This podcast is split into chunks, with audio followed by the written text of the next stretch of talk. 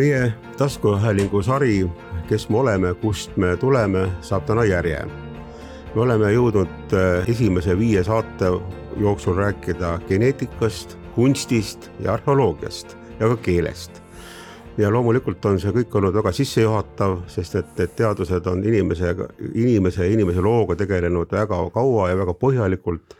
ja vist on, kui ma ei eksi, kui ma ütlen, et kõigis teadusvaldkondades, eriti nii arheoloogias kui ka geneetikas ja paljudes teistes, on viimastel aastakümnetel või viimastel aastatel isegi mõnel puhul noh, väga palju suuri avastusi tehtud, sest tehnoloogia on arenenud, võimalused on arenenud samas arheoloogia on ikkagi üsna noh, samas äh, suhteliselt stabiilne ja vist konservatiivne teadus. Valter Lang, akadeemik, ajalooprofessor, kes meil täna on siin saates, avaldas juba neli aastat tagasi raamatu eesti keeles Läänemere-Soome tulemine. see on ka kaks aastat hiljem tõlgitud soome keelde ja sellest raamatust on ka kirjutatud.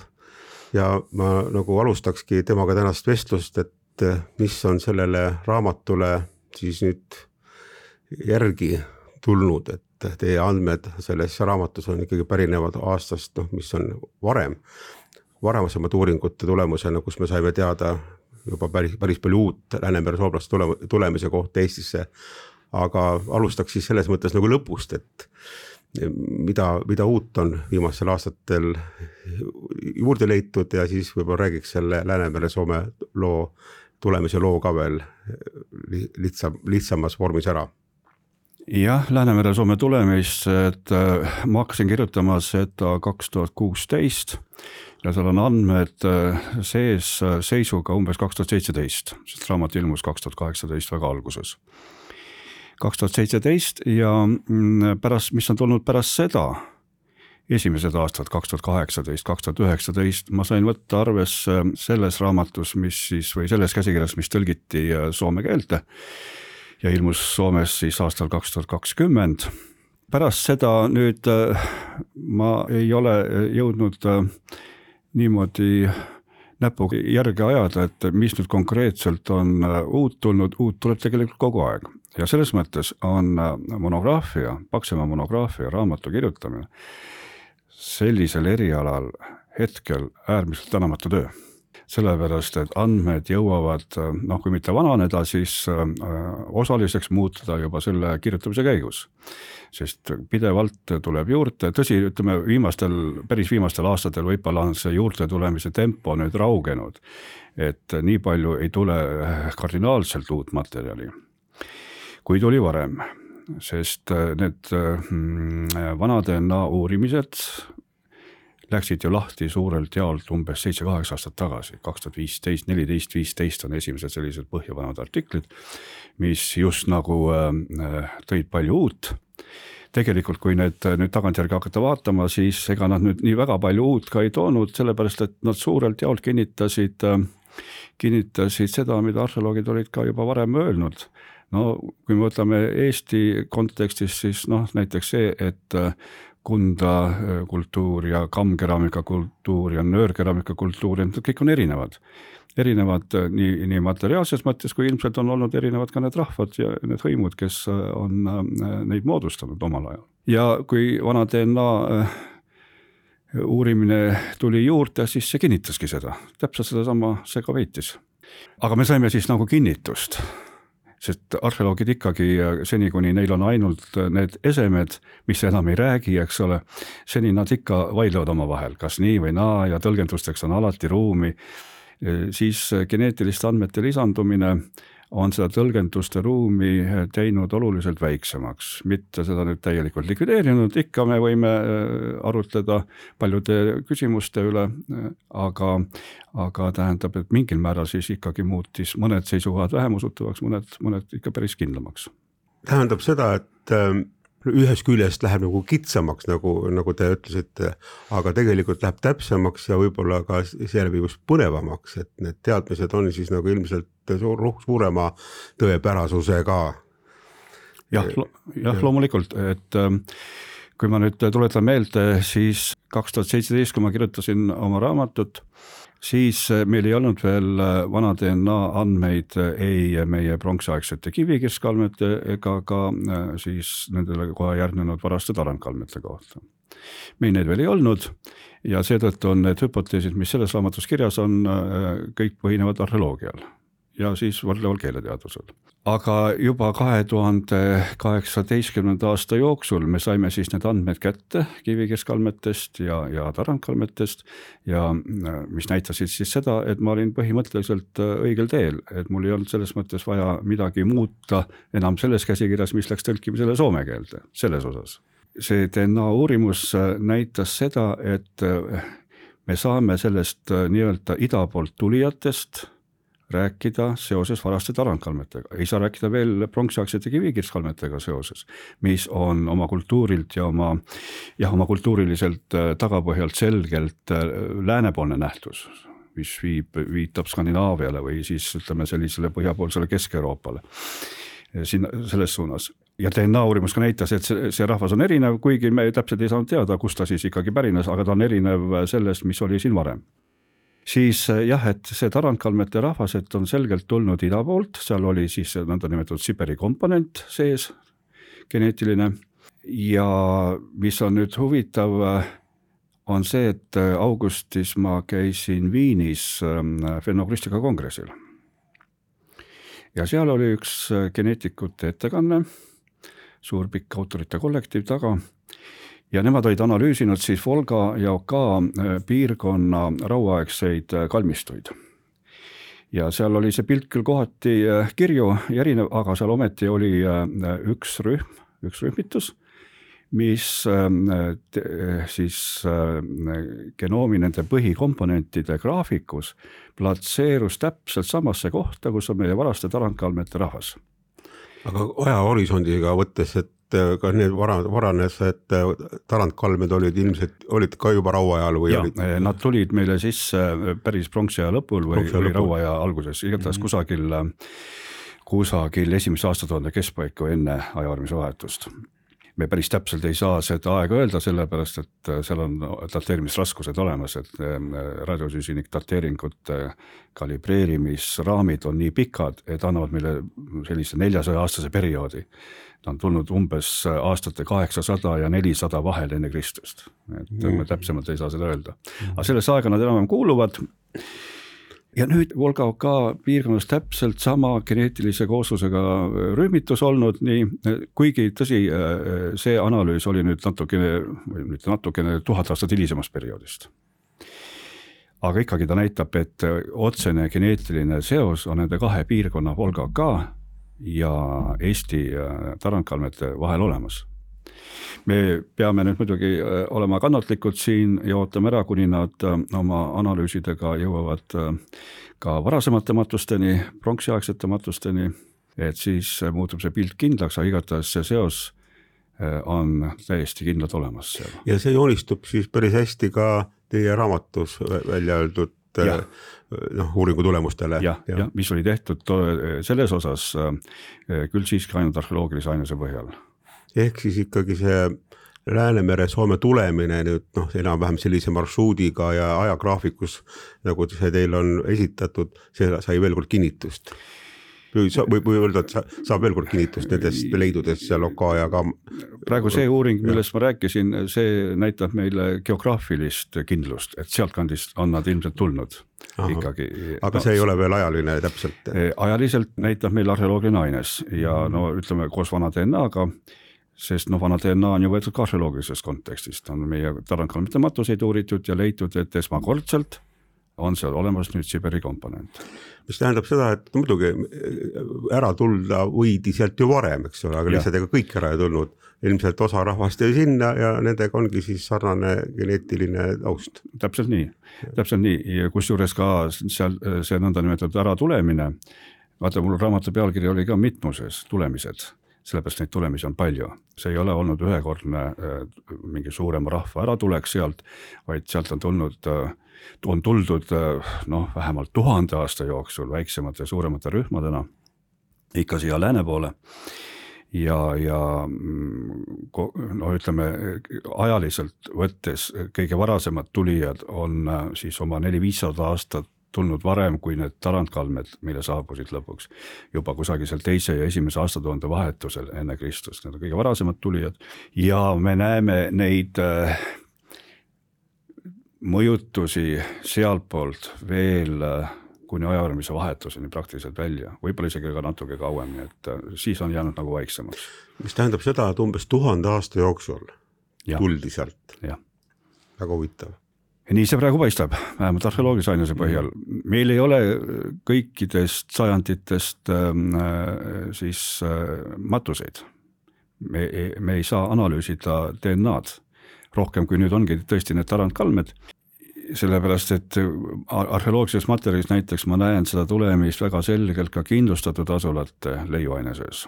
kindlustatud asulad on nüüd noh, paarsada aastat varasemad oma algusega, kui on ilmselt varased tarandkalmed aga meil ei ole mitte ühtegi varased tar-, ah, varased tarandkalmed. varased tarandid jah, seal aastatuhande keskel, kindlustatud asulad on umbes üheksas sajand enne Kristust.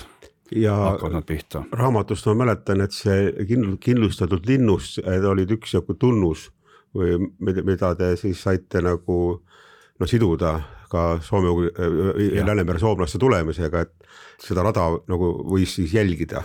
Arheoloogilise materjali levikus äh, me saame seda jälgida, aga nagu ma äh, vihjasin, et meil ei ole äh, inimeste matuseid, meil ei ole nende inimeste matuseid, kes elasid kindlustatud asulates, seetõttu me ei saa seda kinnitada DNA poolt.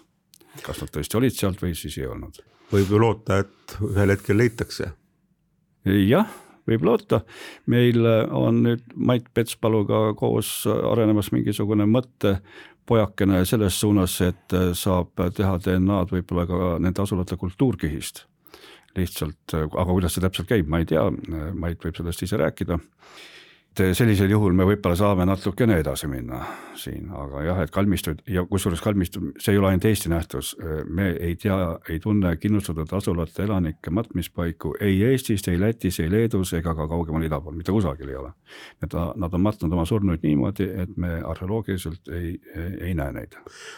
see oli väga huvitav äh, kirjeldus teie raamatust, et need kindlustatud asulate rida liikus siis noh, sealt kusagilt Venemaa poole pealt siis nagu Eesti läänerannikule, põhjarannikule, sealt Soome ja mõni on leitud isegi Kesk-Rootsist või kuidagi sihuke hästi pikk ja huvitav trajektoor. kas te võiksite seda veel nagu üle rääkida, mis rida see oli ja mis nendest võib järeldada sellest kindlustatud asulate reast nüüd? Seda võib-olla ei olegi nii hea vaadata kindlustatud asulate kui asulatüübi levikus, sellepärast et see äh, asulatüüp on suhteliselt universaalne, ta on väga laialdastel aladel levinud.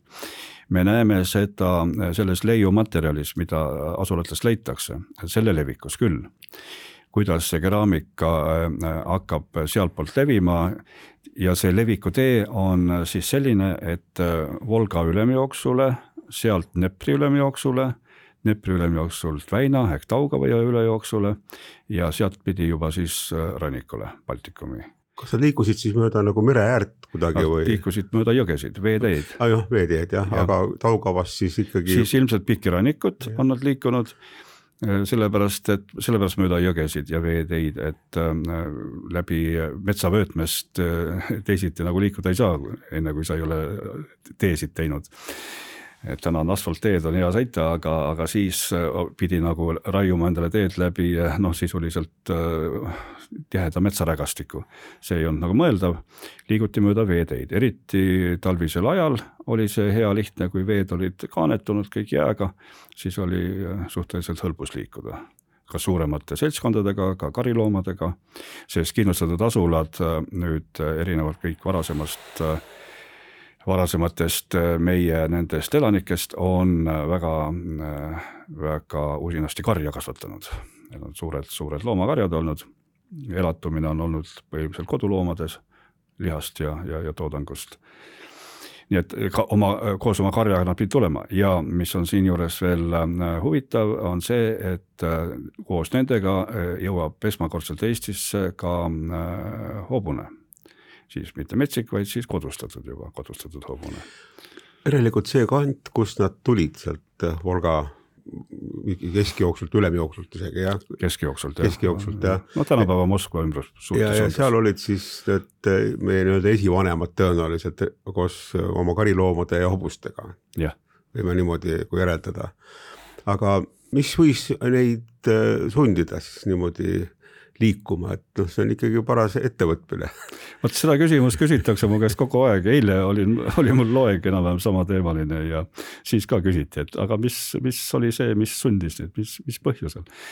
vot see on selline, see on väga hea küsimus ja väga oluline küsimus, aga sellele nüüd arheoloogilise materjali põhjal nii kaugest minevikust on väga keeruline vastata, sellepärast et see, mis meie teame, on siiski väike pisku ainult kogu sellest äh, tegelikust äh, elust, mis, mis tol ajal oli. me ei tea, mis probleemid olid seal äh, Volga ja Oka piirkonnas, küll aga me võime natukene siis spekuleerida, eks ole. et mis, me teame paremini seda, mis siin oli, siin ei olnud suurt midagi, see oli see rikas kiviaja kultuur, mis oli meil veel kolmanda aastatuhande lõpul siin enne Kristust, rohked asulakohad, uhked leiumaterjalid ja nii edasi see kõik äh, teise aastatuhande algul siis hääbus, see kõik kadus kuhugi ära. enam ei valmistatud nöörkeraamikat, enam ei valmistatud äh, kammkeraamikat. Äh, meil ei ole ka kiviesemeid sellest ajast, kuigi palju on siis need hilised silmaga kivikirved, aga neid on väga hõredalt võrreldes siis lõunapoolsete naabermaadega näiteks ja oleme nüüd viimasel ajal rääkinud sellest, et meil on olnud ilmselt mingi tõsine demograafiline kriis siin äh, teise aastatuhande esimesel poolel enne Kristust. demograafiline kriis, mis on viinud rahvaarvu väga tugevale vähenemisele, millega on siis kaasnenud ka see, et me ei tunne õieti selle perioodi arheoloogilist ainest. nii et äh, muidugi ei kadunud äh, inimesed siit täielikult ära, neid siin ikka liikus, me näeme neid jälgi siit ja sealt, aga neid on vähe nii et igal, igal juhul asustus arenes kõvasti, nii et siin oli ruumi, kuhu tulla. et kui ida poolt hakati tulema, siis üks põhjustest võis ka olla see, et siin oligi nagu ruumi lähedalt. jah, see võis olla äh, põhjus küll, sellepärast et tegelikult tolleaegsetes ühiskondades mm, oli väga hästi teada see, mis kusagil toimus ka kaugel paari tuhande kilomeetri taga, sellepärast et ikkagi oldi ühenduses ka neid samu veeteid kaudu nii et äh, mingil määral see informatsioon oli kindlasti olemas. nüüd teiselt poolt äh, see Volga, Oka, Kama jõe piirkond on olnud läbi aastatuhandete selline, kus on pidevalt tekkinud äh, sellist nagu mm, nii kultuurilist kui demograafilist ülejääki, et seal on, seal on sündinud uusi, uusi keraamikavorme, uusi esemetüüpe ja nii edasi. ja seal on seda rahvast tõesti olnud kohati väga tihedalt, nii et seal võis olla mingisugune ülerahvastuse probleem miks osa inimesi hakkas äh, sealt otsima teed siis kuhugi mujale ah, no,. Kui... Nad kusjuures ei ole tulnud ainult läände mm., vaid on näha ka jälgi, et nad on üritanud liikuda lõuna poole. nii et mitmes suunas nagu üritanud minna, aga siia lääne poole on siis õnnestunud no,, siin on ilmselt tühjemad maad ees olnud, et on õnnestunud nagu rohkem tulla huvitav on see, et äh, karjakasvatus tavaliselt muidugi tavaajaloo huvilisena olen ma seostanud rohkem nagu selliste stepirahvastega.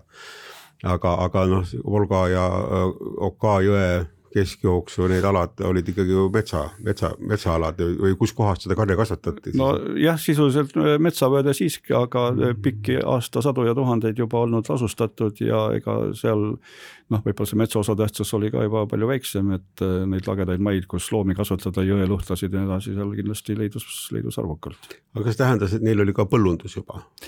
Vot põllundus äh, on kindlasti neil olnud, aga mitte noh, võib-olla nii suure osatähtsusega kui, kui karjakasvatus.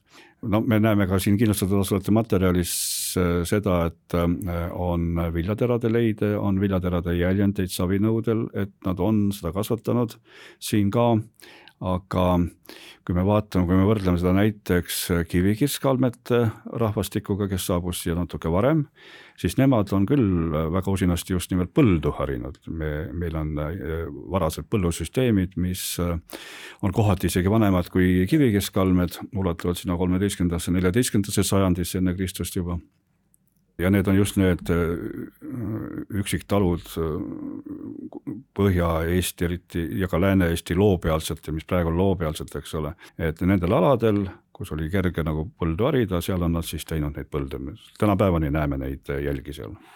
Kivikirst kalmete rahvas, nemad olid siis isegi jah, enne tulnud siia suhteliselt tühjale alale, kolmteist, neliteist sajandit enne Kristust ja kas nemad olid siis nii-öelda lääne poolt tulijad või põhja poolt või kas nemad olid siis kas kusagilt sealt no, äh, Ida-Euroopa sugu või? jah, selline oletus mul seal raamatus on ja mul ei ole põhjust olnud siiamaani seda nüüd kuidagimoodi ümber muuta.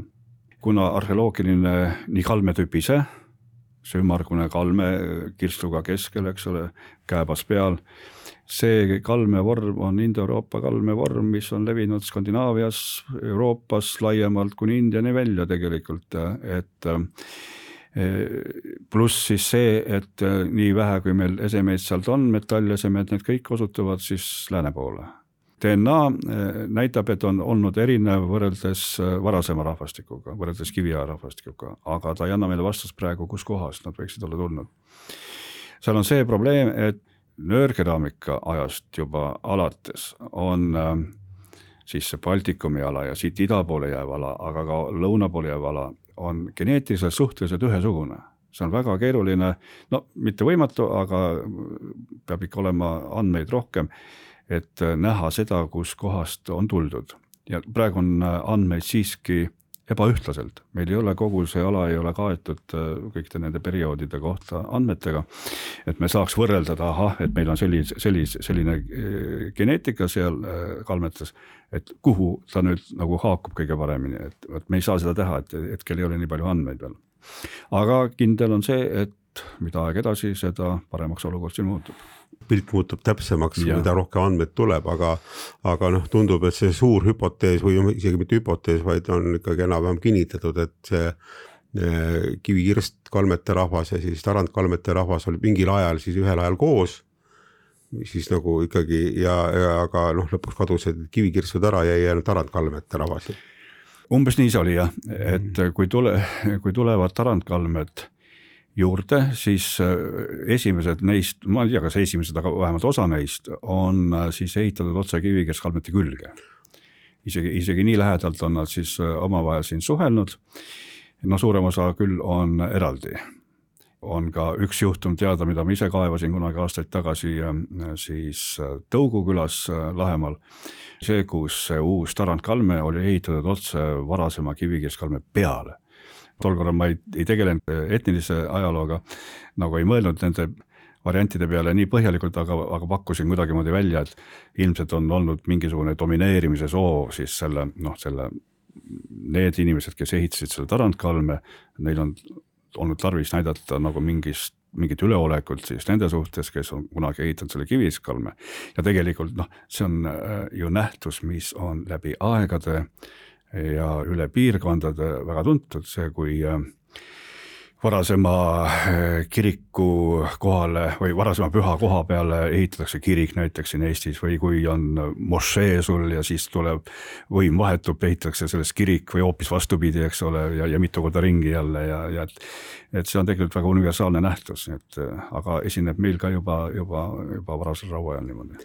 nii et kui siit edasi siis natuke spekuleerida või võiks öelda ikkagi juba tuletada, et need tarandkalmete rahvas võis rääkida siis nüüd keelt, mis võis olla siis Läänemere, Soome keelte nagu selline eellanne või sealt arenesid siis välja need Soome, Rootsi, Soome, vabandust, Soome, Eesti ja Liivi ja need keeled ja need nende rääkijad tulidki siis nende kalmetega või noh, kalmete ehitajad olidki see, selle rahva esindajad juba. see, see ettekujutus praegu on, et mm. äh, tegelikult nad ju hakkasid tulema varem, aga see on lihtsalt üks järjekordne laine mis sealt ida poolt tuleb ja e, see laine, mis siis toob endaga kaasa selle e, traditsiooni matta surnuid niimoodi.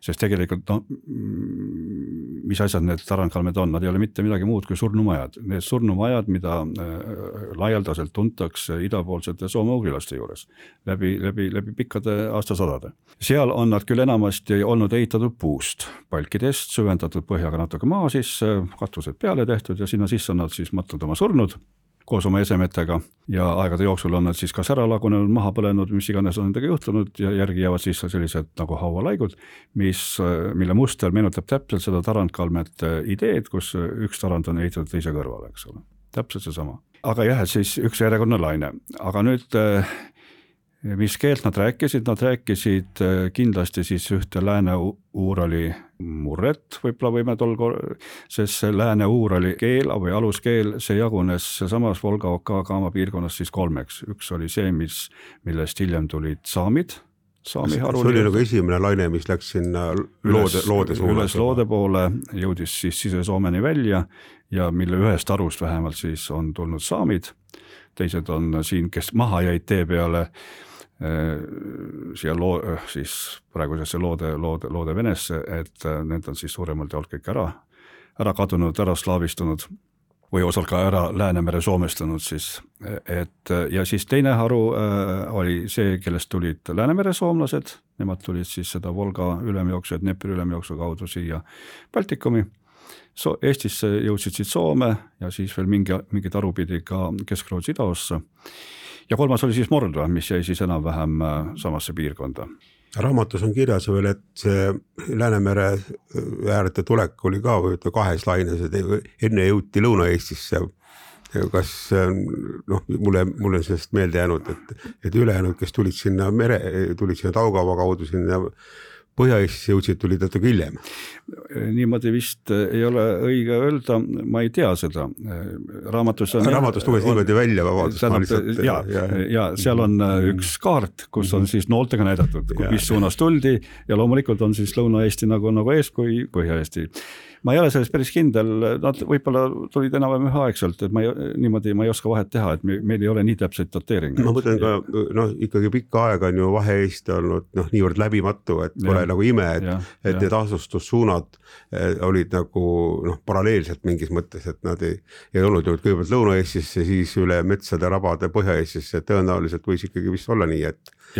Et teine suund läks sealt ta, Taugava poolt hoopis. täiesti, täiesti vabalt võis see nii olla, et sealt äh, siis väina äärest, Taugava äärest üks haru pööras selles Põhja-Läti ja, ja Lõuna-Eesti poole ja siis mõned läksid jälle edasi kuni, kuni mereni ja vaata Lennart Meril on äh, aga see, tema hõbevalge algabki niimoodi, kuidas äh, see vana Soome või see algne soome-ugrilane jõudis siia, lükkas ära veel viimased põõsad eest ja siis ta juba enne tunnetas oma sõrmedega, eks ole, mere, merelõhna.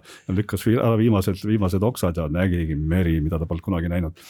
see kõik võis niimoodi olla, ainult et tunduvalt, tunduvalt hiljem, kui, kui Meri seda siis tol ajal äh, arvas, aga no Meri ei, ei mõelnud seda ise välja, see oli tollane, tollane ju äh, hüpotees selline, et siis tulid koos kappkeraamikaga. no see oli tõesti väga romantiline hüpotees, ma arvan, et meie põlvkond on vist üles kasvanud seda Meri juttu, kuidas me siia tulime, me teame kõik ja see on meid ilmselt edasi ärgitanud selle teemaga ka tegelema ühes või teises vormis aga jah, sellest on mõneti kahju, et me ei ole siis noh, me ei saa vist öelda, et oleksime nüüd viis tuhat aastat enne Kristust siia tulnud ja sest ma tean, et vahepeal läksid hüpoteesid, noh, need olid küll väga ainult spekulatiivsed, et et need võisime olla praktiliselt juba pärast jääaega siin, eks ole, et ja, ja ei tea, kus refuugiumis võib olla peitunud. Aga ilmselt noh, nendest inimestest, kes siin on varem tulnud, me rääkisime siin Aivo Kriiskaga ju pikalt ja ka Kristiina Tambets geneetikuga, et kuidas me ikkagi see Lääne-Euroopa komponent on siia tulnud kohe pärast jääaega. ja siis kusagil neli-viis tuhat aastat enne Kristust on ju tuvastatavad ka siuksed idapoolsed mõjustused. ja, ja, ja siis ilmselt mida aastatuhat edasi, seda noh, rohkem on seda idapoolset mõjustust ka vist meie nii geneetilises koodis kui ka arheoloogilistes leidudes et me oleme küll jah, algpõhjalt ilmselt Lääne-Euroopast tulnud, aga järjest rohkem on peale kasvanud sellist eh, euraasialikku elementi.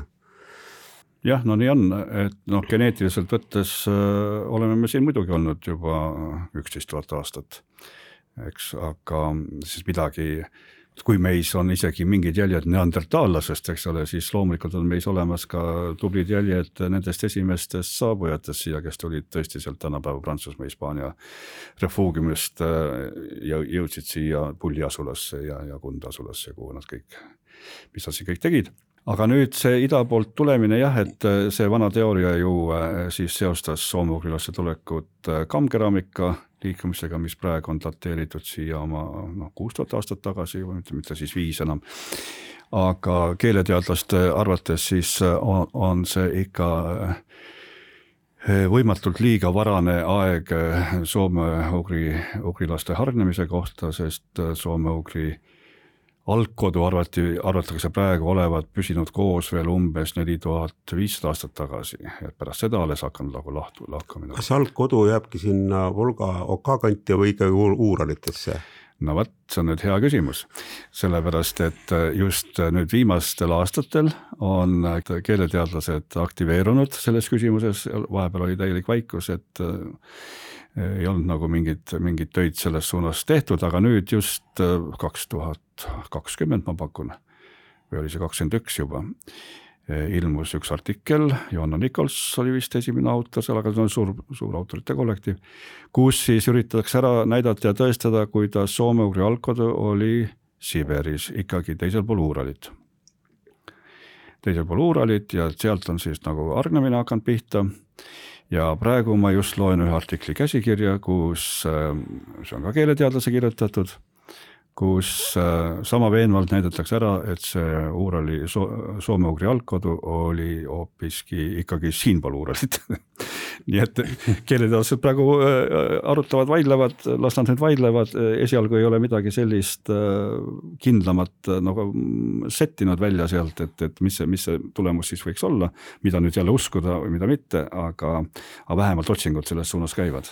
No uljad, uljad mõttelennud on ju ka sidunud eestlasi ja Uurali rahvad, rahvaid noh, tervikuna ka indiaanlastega, et, et kusagilt Siberist läksid ühed Ameerikasse, teised siia. ainult, et seal on üks probleem, et seal on vahe umbes kümme tuhat aastat ilmselt. aga noh, võib ju, võib ju mängida mõttega, et, et kusagilt ikka ühest kohast hakkasid liikuma kunagi. No, ja, just, selle, sellele ilmselt vist teaduslikke seletusi praegu anda ei ole. ei vist, ei, ole, ei ole kohanud selliseid asju. aga kui me nüüd korraks tuleme selle keele juurde veel tagasi, siis äh, need esimesed tulijad äh, sealt Volga okaaladelt siiapoole, et seda keelt siis nimetatakse nagu varajaseks Läänemere-Soome algkeeleks aga juba äh, siia tulles kohtusid nad oma teel Balti hõimudega, varajaste Balti hõimudega, sest need vahepealsed, see Dnepri ülemjooksu piirkond, see oli kõik asustatud kultuuridega, mis äh, kõnelesid ilmselt äh, kas siis varast balti või varast baltoslaavi keelt, oleneb, kuidas siis need uurijad defineerivad seda, seda keelt seal. ja need varased Balti laenud, esimesed on ikkagi tulnud juba teel siia enne kui nad siia jõudsid, sest siin Baltikumis neid baltlasi veel ei olnud. et need, nemad elasid samamoodi ida pool. Nad ei taha seda küll äh, tunnistada. Äh, aga varem või hiljem ei jää neil ka muud üle, kui seda teha. praegu on vist domineerimas sealpool, lõuna pool Baltikumis ikkagi see teooria, mis näeb siis äh, baltlaste esivanemaid nöörkeraamika kultuuris mis noh, tegelikult Indooroopa päritolu ilmselt oli, aga balti keeli nüüd sinna tagasi viia vist ikkagi ei õnnestu. Ja nähtavasti on ka Lätis ja Leedus ja seal endine Ida-Preisimaa ja see piirkond ikkagi toimunud neid rahvastiku ja keelevahetusi ka pärast seda nöörkeraamika kultuuri, aga no ütleme, see on see teema, mis vajab veel kindlasti uurimist ja mis teeb ju Läänemere-Soome keele erinevaks siis teistest Lääne-Urali keeltest, on mitte ainult siis Balti, tugev Balti mõju, vaid ka siis tugev äh, Germaani mõju. Germaani ja... mõju hakkas mõju avaldama kohe juba siis, kui nad kaks ja pool tuhat aastat tagasi siia jõudsid, olid juba siin kokkupuude germaanlastega. Just, keeleteadlaste arvates Balti, varased Balti laenud ja varased Germaani laenud peaksid olema enam-vähem üheaegsed ja siis dateerime seda kusagil esimese, enne Kristust esimese aastatuhande keskele kusagile või? keskele või esimene pool. esimene pool, jah. mulle tundub mm. väga mõistlik olevat siduda Germaani laenude saamist just selle Kivi-Keskkalmete elanikkonnaga, kes siin varem oli, kelle kultuur oli niikuinii ja kalmevorm seotud läänega, tulnud lääne poolt. ja kohanimed, kohanimed näiteks, aga me vist ei ole neid välja kaevanud, kohanimesid ma arvan, et siin, kui uue pilguga läheneda ka kohanimedele, siis võib ka siit leida üht ja teist. nii et nad, kuigi nüüd ütleme siis äh, ajaliselt Balti laenud siiski nagu eelneksid Germaani laenudele, selle teooria, minu teooria järgi, siis tegelikult see vahe ei ole üldse suur, see vahe ei ole võib-olla pikem kui üks põlvkond ainult, no kui sedagi, eks ole, et aga noh, et kihistused on siis niimoodi, nad pidid Balti, baltlastega kohtuma enne, kui nad kohtusid siin germaanlastega ja, ja need esimesed laenud võisid vabalt tulla, tulla siit. Ja hiljem on muidugi neid Germaani laene tulnud ridamisi, ridamisi juurde, sest jõudes ükskord siia Läänemere äärde, on germaanlased siin ju jäänud naabriteks no, kuni, kuni tänaseni. no germaanlased on ilmselt vist kõige püsivamad naabrid olnud Läänemere Soome rahvastele selles mõttes, et kui nad siis juba olid, siis hiljem on ju kõik need rootslased ja erinevad ja, need ja, saksa võimud kogu aeg olnud läbi, läbikäimine kogu selle paari tuhande aasta jooksul on olnud germaanlastega. jah, paraku küll jah, nii on. niimoodi saaks nagu äh, põhjendada ja, ja näha neid põhilisi äh, laenukihistusi Läänemere-Soome keeles, Balti ja siis kohe järgi Germaania mm. -hmm. ja kui nad siia jõudsid äh, noh, ütleme kusagil esimene aastatuhat enne, enne Kristust. kas me sellest ajast võime siis juba hakata rääkima nii-öelda ka noh, Eesti rahvast või veel on vara? no mida me Eesti rahvaks peame, kõik sõltub sellest ju. ja no eestlastest, kas, kas eestlaste ja soomlaste eristumine, see ilmselt tuli siiski mõne, mõnevõrra hiljem? jah, see on siis nüüd niimoodi, et kui siia jõuti, siis esialgu me saame ikkagi rääkida nagu ühtsest Läänemere-Soome rahvast. me kutsume seda Läänemere-Soome. me võiksime seda kutsuda sama hästi Läänemere-Eesti miks Läänemere Soome, see on sellest, et äh, siis, kui keeleteadus arenema hakkas ja arheoloogia tekkis, siis Soome oli arvestatav äh, oma uurija, uurijate hulga poolest ja, ja nende taseme poolest. Eestis ei olnud midagi vastu panna. siis äh, nimetatigi neid äh, soomlasteks ju kõik, need olid ju kandasoomalaised. Soome sugurahvad öeldi. jah, Soome sugurahvad täpselt jah, et aga miks Soome sugu mm. -hmm. kui me vaatame, kuidas äh, see on geneetiliselt ja, ja, ja siis äh, arheoloogiliselt kujunenud, siis äh, põhiline oleks ikkagi Eesti.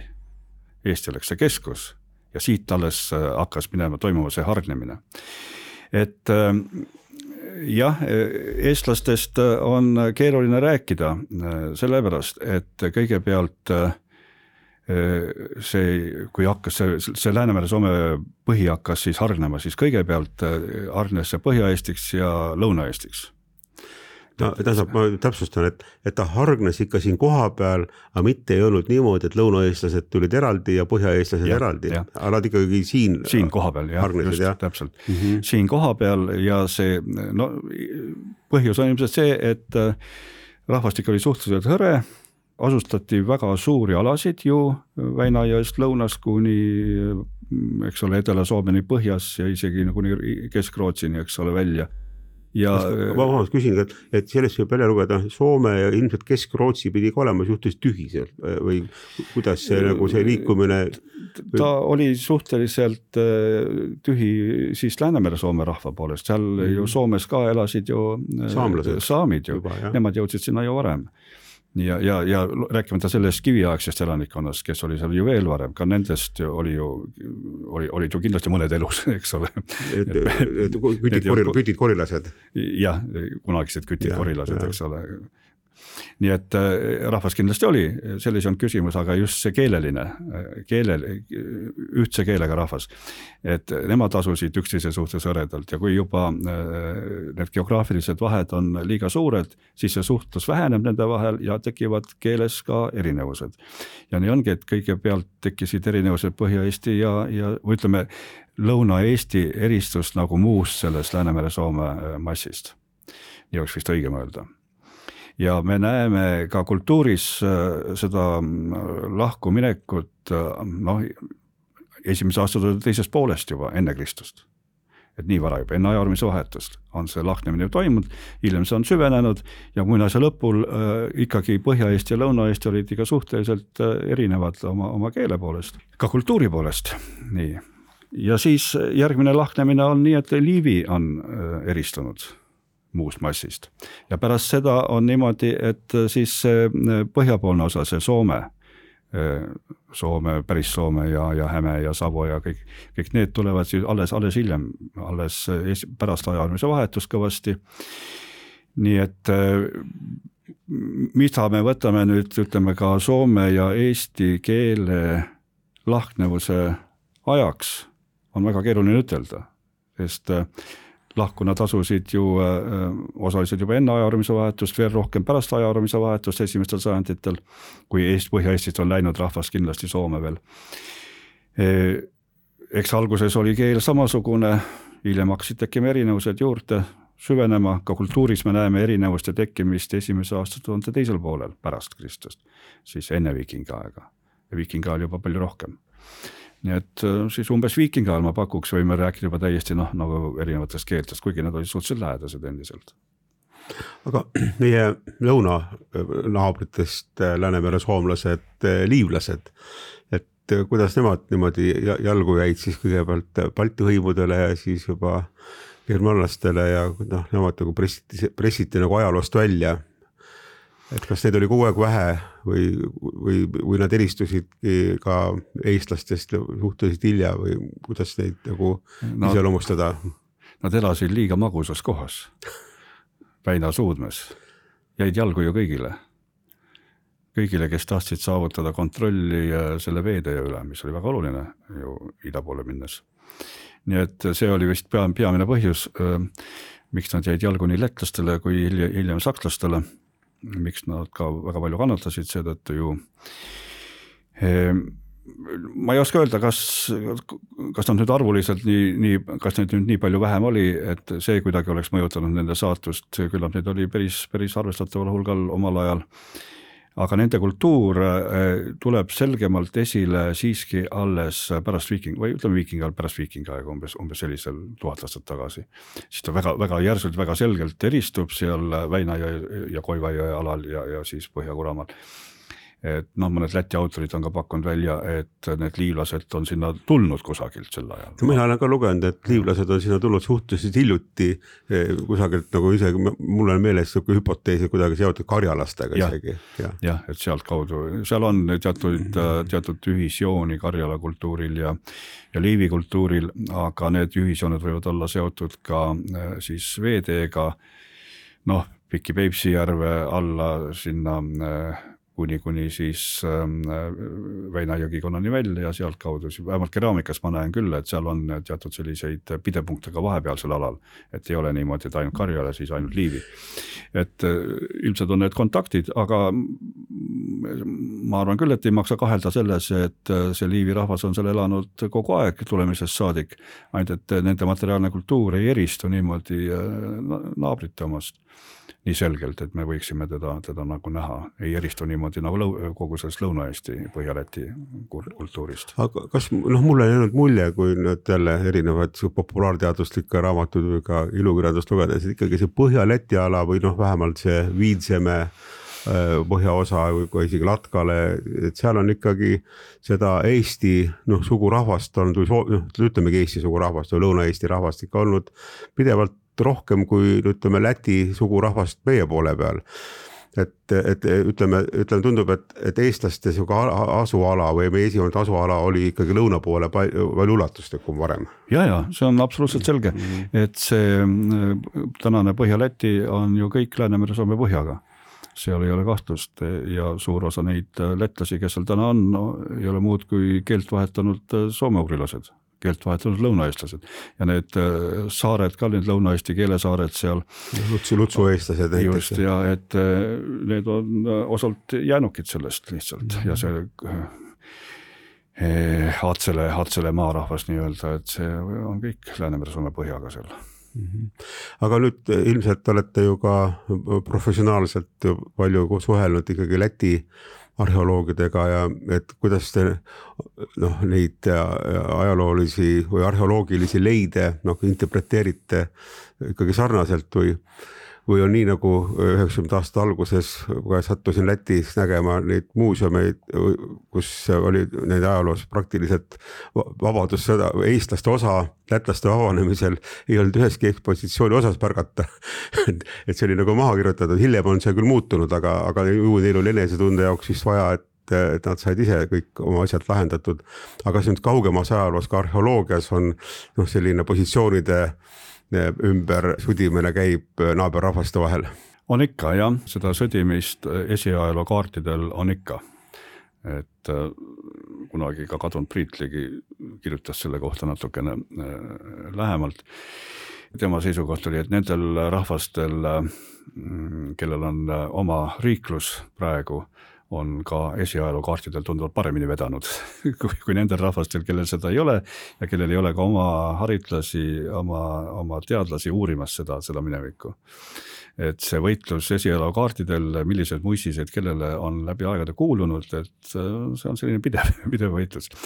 ja ka mis puudutab nüüd äh, lätlasi, siis äh, paraku on seal niimoodi, et viimastel aastakümnetel on see Läti arheoloogia jäänud kuidagi nagu nõrgemaks.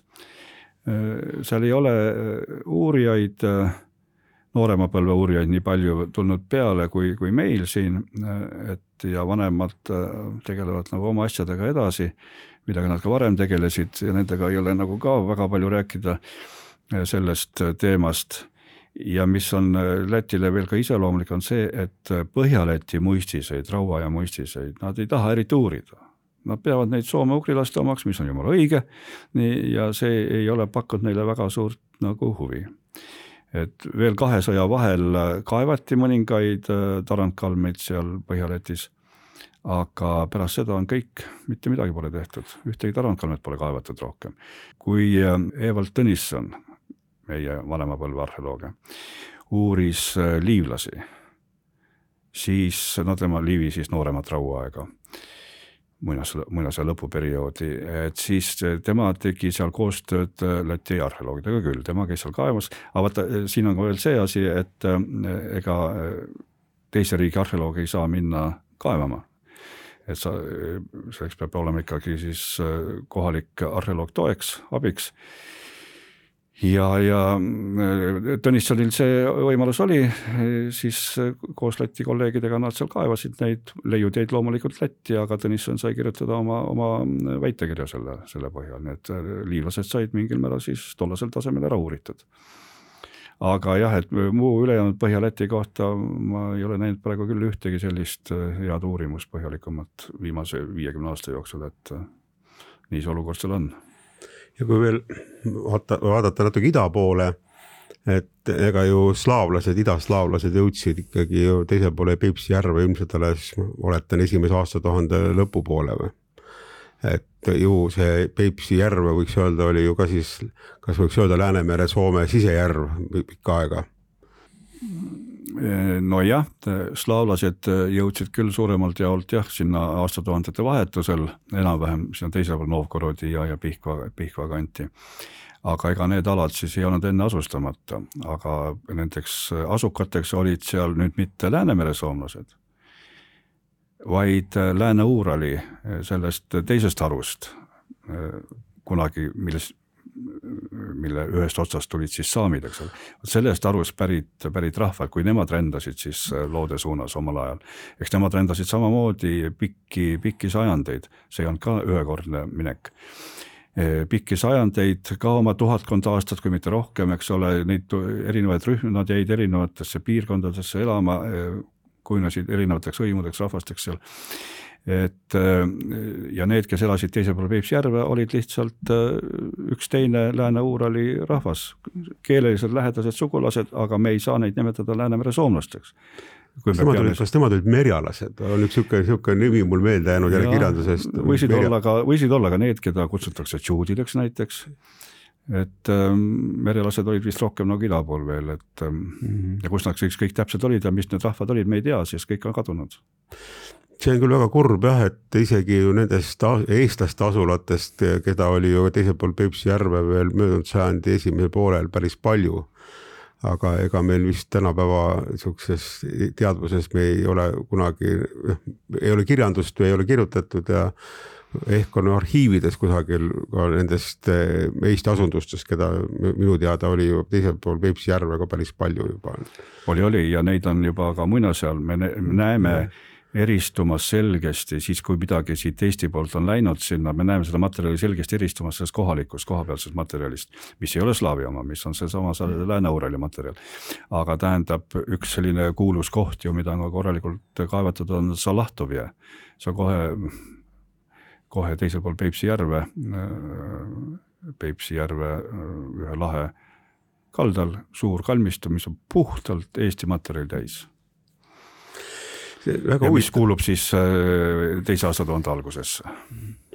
et äh, ma vaatan, et kell jõuab kahjuks nii kaugele, et me peame hakkama lõpetama, aga, aga see on juba mitmes kord, kui me siin seda taskuhäälingut teeme, et äh, kuidagi läheb hästi põnevaks, siis me vaatame kella, mis tähendab seda, et me peame ilmselt jätkama.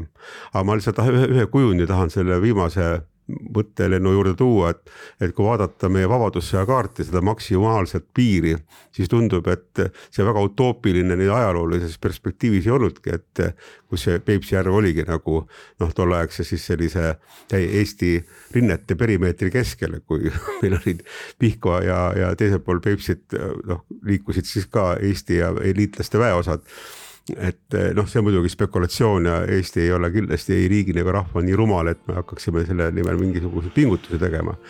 aga ajalugu peab teadma ja, ja igal juhul Valter Lang, väga suur tänu teile, et eh, me loodame siin meie häälingus kohtuda veel ja veel, sest et eh, ma, mulle tundub, et eestlastele pakub meie ajalugu suurt huvi, aitäh. ja aitäh kutsumast